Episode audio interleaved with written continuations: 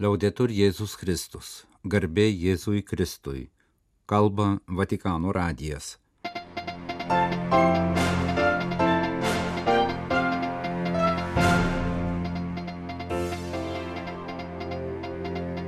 Malonūs klausytojai, šioje antradienio spalio 10 programoje popiežiaus valstybės sekretoriaus pasisakymas po Hamas atakos Izraelio užpuolimas buvo niekšiškas. Į šventąją žemę sugrįžo Jeruzalės patriarchas kardinolas Pizzaballa. Šventosios vietos toliau veikia, nes kai kurie piligrimai tęsia piligrimystės. Vatikano diplomatas Junktinių tautų organizacijos diskusijoje apie vaiko teisės priminė, kad vaiko teisių apsauga neatsiejama nuo šeimos gerovės remimo nepakanka mąstyti apie vargšus, reikia mąstyti su jais. Popiežiaus žinios Pranciškaus ekonomikos susitikimui Asyžiuje antroji dalis.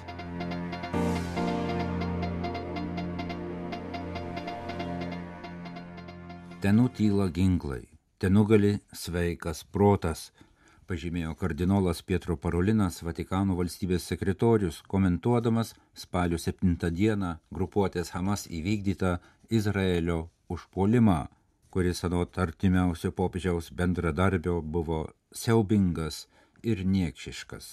Anot valstybės sekretoriaus kalbėjusio pirmadienį spalio 9 dieną vienoje konferencijoje Romoje, terorizmas, smurtas, barbarizmas ir ekstremizmas kenkia palestiniečių ir izraeliečių siekiams. Ataka prieš Izraelį įskaudino popiežių, kuris pareiškė užuojautą dėl visų per užpuolimą mirusių ir sužeistų žmonių. Valstybės sekretorius pirmadienį atidarydamas svarbų trijų dienų simpozijumą Grigaliaus universitete apie naujus Pijaus XII pontifikato dokumentus ir jų reikšmę žydų ir krikščionių santykiams sakė, kad nebūtų galėjęs įsivaizduoti, kad savo kalboje turės pareigingai ir su liūdisiu perduoti popiežiaus sekmadienį išsakytą skausmą dėl įvykių Izraelyje. Kardinolas užtikrino artumą žuvusiųjų ir sužeistųjų artimiesiems, dingusiems ir pagrobtiems izraeliečiams, kuriems dabar grėsia didelis pavojus. Šventasis sostas su giliu ir rimtu susirūpinimu stebi išprovokuoto karo poslinkius, kuriame taip pat žūsta daug palestiniečių, daug jų buvo sužeista ir tapo benamiais, sakė Pietro Parolinas. Prisiminęs popiežiaus žodžius jis pridūrė, kad karas visuomet yra orumo pralaimėjimas ir proga nieko neišspręsti reikia sustoti ir susimastyti, kokie teisingi keliai taikai Izraelyje ir Palestinoje sukurti. Kol ši problema nebus išspręsta, kol nebus surasta taikos formulė, tol bus pavojus, kad panašus dalykai visą laiką kartosis su vis didesniu žiaurumu, pasakė kardinolas Pietro Parolinas. Antradienį spalio 10 dieną į Jeruzalę į savo bažnyčios sostą sugrįžo katalikų patriarchas kardinolas Pier Batista Pizzaballa. Patriarchas pokalbėje su italų spaudos atstovais pažymėjo, kad sugrįžęs į namus pamatė ištuštėjusią Jeruzalę. Gatvėse labai mažai eismo. Kartu pasigirdo sirenų kauksmas. Žmonės užsidarė savo namuose, jie bijo pažymėjo Pier Batista Pizzaballa, skubiai sugrįžęs į Šventąją žemę iš Italijos po grupuotės Hamas įvykdyto žiauraus išpuolio Izraelyje. Jeruzalės lotynų patriarchatas informavo, kad numatytos iškilmės patriarchate pagerbti patriarchą jo skirimo kardinolų proga atidėtos. Anot patriarcho, Jeruzalėje daugiau kontrolės punktų nebuvo anksčiau. Izraelis bijo naujų išpolių, todėl kontrolę vykdo labai kruopščiai, bet vis dar galima judėti, pažymėjo bažnyčios Jeruzalėje galva, daugiau kaip tris dešimtmečius šventojoje žemėje gyvenantis ir nuo 2016 metų patriarchato tikinčiųjų bendruomeniai vadovaujantis italas pranciškonas 58 metų Pier Batista Pizzaballa. Paklaustas apie piligrimus, kurių daugelis užblokuoti oro uostuose ir šventovės, kurios yra adaros, nepaisant krizės, patriarchas pažymėjo, kad šventoji žemė yra piligrimystės žemė, o šiuo metu vyksta daug piligrimyščių.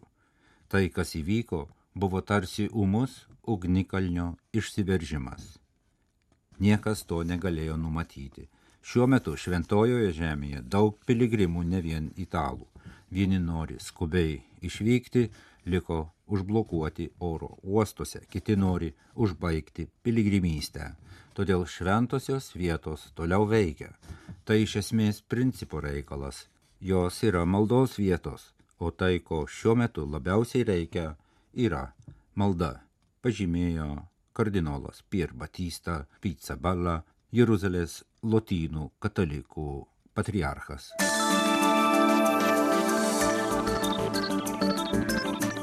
Kalba Vatikano radijas, tęsėme programą.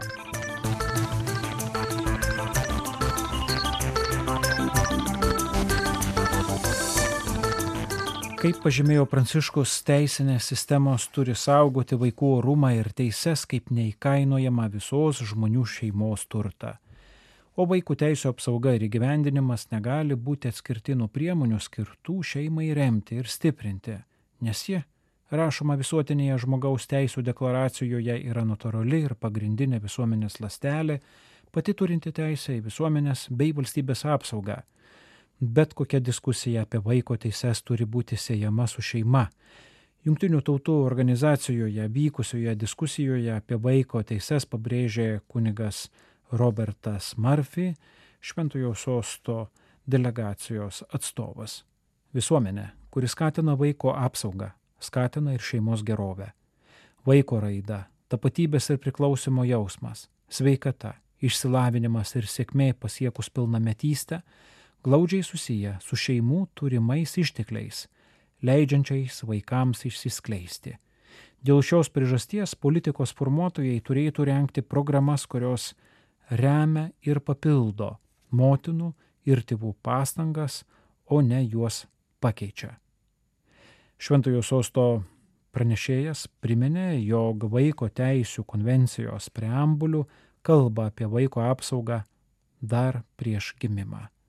Tuo tarpu šiandieninė medicina sugebanti išgelbėti per anksti gimusius kūdikius, kasmet naudojama 73 milijonams abortų atlikti, įskaitant prenatalinę lyties atranką bei eugeniką, kurių aukomis ypač tampa mergaitės ir vaikai su negaliomis.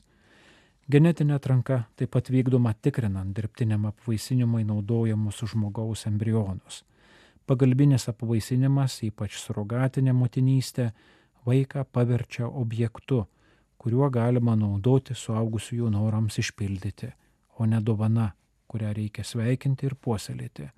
Tokios praktikos nesuderinamos su pagarba vaiko rūmų ir teisėms, tvirtina Vatikano diplomatas. Dabartinio laikotarpio vaikai, tęsė monsinjoras Robertas Murphy, auga labiau technologiškai pažengusiame pasaulyje nei ankstesnės kartos. Šiame pasaulyje yra ir galimybių, ir grėsmių. Būtina užtikrinti, kad nepilnamečiai galėtų saugiai naudoti skaitmeninėmis technologijomis, užtikrinti jų sveiką ir ramų vystimąsi, apsaugoti nuo neprimtino nusikalstamo smurto ar didelės žalos jo kūno ir dvasios vientisumui. Kaip žinia, šios technologijos yra naudojamos vaikų išnaudojimui, ir prekybai jais, taip pat prievartai, įskaitant seksualinę, per atstumą. Todėl šventasis sostas griežčiausiai žodžiai smerkia vaikų pornografijos gamybą, platinimą ir naudojimą, kuri skaitmeninės technologijos palengvina ir pagreitina. Mums visų pirma turi rūpėti vaikai, kurie naudojami tokiai medžiagai kurti. Tačiau rūpesti kelia ir tai, kad tobulėjančios skaitmeninės technologijos leidžia kurti imitacinius seksualinės prievartos prieš vaikus vaizdus, kurie dar labiau didina tokios medžiagos paklausą, gali apsunkinti tiek aukų identifikavimą, tiek nusikaltėlių patraukimą baudžiamojo atsakomybėn. Šventasis sostas taip pat su susirūpinimu atkreipė dėmesį į dramatišką suaugusiųjų pornografijos, kuri vis labiau prieinama ir vaikams plėtrą skaitmeninėme pasaulyje. Šis reiškinys seksualizuoja vaikus ankstyvame amžiuje, įskiepija netinkamą žmogiškųjų meilės santykių sampratą, menkina bendrą žmogiškojo orumo jausmą. Kaip yra pažymėjęs popiežius Pranciškus, klaidinga manyti, jog visuomenė, kurioje tarp saugusiųjų klesti nenormalus internetinio sekso vartojimas, galėtų būti pajėgi veiksmingai apsaugoti nepilnamečius. Šiuo požiūriu bendras vaikų, jų tėvų ir šeimų ugdymas yra labai svarbus siekiant užtikrinti vaiko saugumą mūsų skaitmeninėme pasaulyje. Vaikų skaitmeninis ugdymas turėtų būti grindžiamas žinojimu apie kiekvieno asmens lygiavertį orumą ir pagarbą jam, įskaitant virtualių patyčių prevenciją ir kovą su jomis. Taip pat mokant, kada ir kaip kreiptis pagalbus į tėvus, kitus šeimos narius, mokytojus. Tėvai turėtų būti supažindinami su internete kylančiais pavojais ir prieinamais apsisaugojimo įrankiais, taip pat su tuo, kaip padėti vaikui saugiai ir sveikai naudoti skaitmeninėmis technologijomis. Kiekvienas vaikas nusipelno būti ypatingai, kaip ir dera vaikystės amžiuje, globojamas, puoselėjamas, saugojamas nuo pat pirmųjų savo gyvenimo akimirkų. Jei tvirtai remsimės tokią nuostatą, galėsime pasiekti, kad būtų gerbiamas kiekvieno vaiko orumas bei teisės. Nepakanka mąstyti apie vargšus, reikia mąstyti su jais popiežiaus žinia Pranciškaus ekonomikos susitikimui Asyžiuje antroji dalis.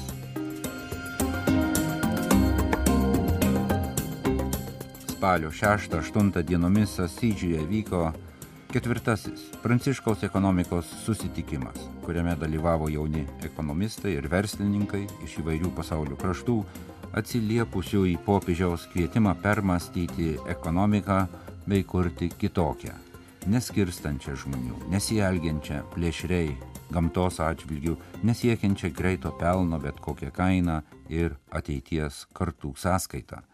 Vaizdo sveikinimo žinioje popiežius Pranciškus samprotavo apie priešybių vienybę. Svarba sutaikyti polius sintezės būdu aukštesnėje plotmėje, neišbraukiant nei vieno, bet taip pat ir nepašalinant įtampos tarp jų, greta ekonomikos orientuotos į pelną egzistuoja aplinkai ir žmonių ryšiams atidi ekonomika, o kartais ir tokia, kurios uždarbiai neleidžia oriai gyventi. Kur ir kaip susitinka šios priešybės pačioje ekonomikos prigimtyje. Ji yra bendradarbiavimo ir įtraukimo vieta, pažymėjo popiežius susitikimo Asydžiuje dalyviams popiežius jauniems ekonomistams, verslininkams ir verslininkėms pristatė ir kitą idėją susijusią su pirmąją idėją apie vidinės ekonomikos įtampas. Ekonomika turi būti namų ir kelio ekonomika. Pats žodis ekonomika visų pirma reiškia rūpesti namais, o namai ne vien fizinė vieta, kurioje gyvename, bet ir mūsų bendruomenė, mūsų ryšiai, mūsų miestai, mūsų šaknys. Galiausiai namai yra visas pasaulis, vienintelis, kurį turime. Mūsų pašaukimas jį saugoti ir būti kiekvienos pasaulio būtybės broliais ir seserimis. Kurti ekonomiką turi reikšti ir rūpesti mūsų visų namais, o tai neįmanoma, jei nesugebėsime pasaulio matyti iš pakraščiuose esančiųjų perspektyvos. Tuo tarpu dabartinis žvilgsnis į mūsų namus yra nulemtas vyrų, dažniausiai vakariečių ar iš šiaurinio pusrutulio. Amžius nepaisėme, be kita ko, ir moterų žvilgsnio. Jei jo būtų buvę daugiau, galbūt matytume mažiau prekių ir daugiau santykių. Būtų daugiau perskirstimo, daugiau turinčiųjų dėmesio, neturintiems, daugiau tikrovės ir mažiau abstraktumo, daugiau turinio ir mažiau kalbų. Negalime toliau išstuminėti skirtingų požiūrių iš ekonominės praktikos ir teorijos, taip pat iš bažnyčios gyvenimo. Todėl ypatingai džiugu matyti, kiek daug jaunų moterų dalyvauja Pranciškaus ekonomikos projekte, pažymėjo popiežius ir pridūrė, jog visapusiška ekonomika yra ta, kuri kuriama su vargšais ir dėl vargšų, atsižvelgiant į visas skurdo formas kokie šiandien yra ekonomikos disciplinos pakraščiai. Nepakanka mąstyti apie vargšus, reikia mąstyti su jais. Ir teologijoje pernelyg dažnai mąstėme apie vargšus, o ne su jais. Iš studijų objekto jie turi virsti subjektais, nes kiekvienas asmuo turi ką pasakyti, o net galimybės neturėjimas kalbėti ir būti rimtai vertinamam yra pati pirmoji vargšų skurdo, orumo ir pagarbos nepripažinimo forma. Kelio ekonomika popiežius susijęjo su Jėzaus ir jo mokinių nuolatos buvusių kelyje patirtimi.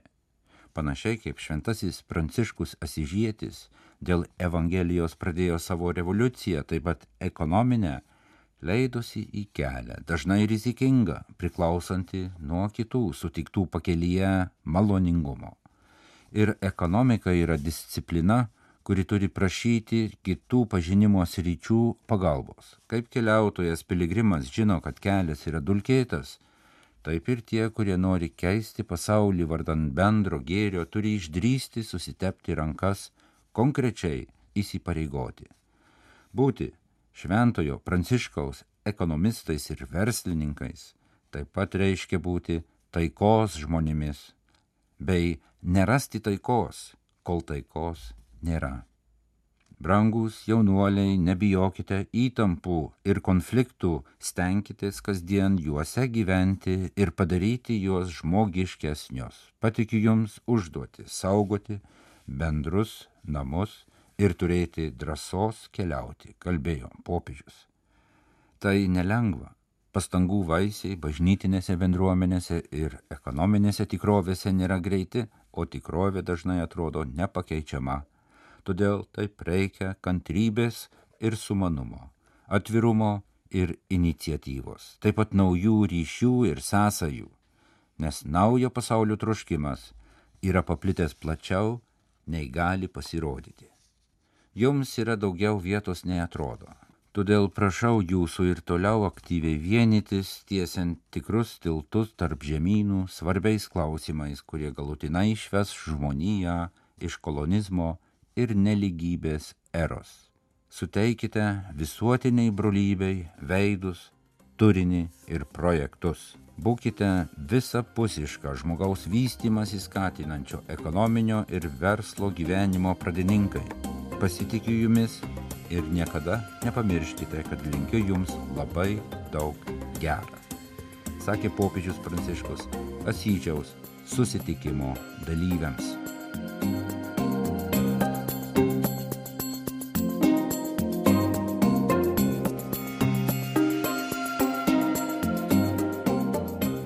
Kalba Vatikano radijas laidą lietuvių kalba baigėme garbėjai Kristui Liaudetur Jėzus Kristus.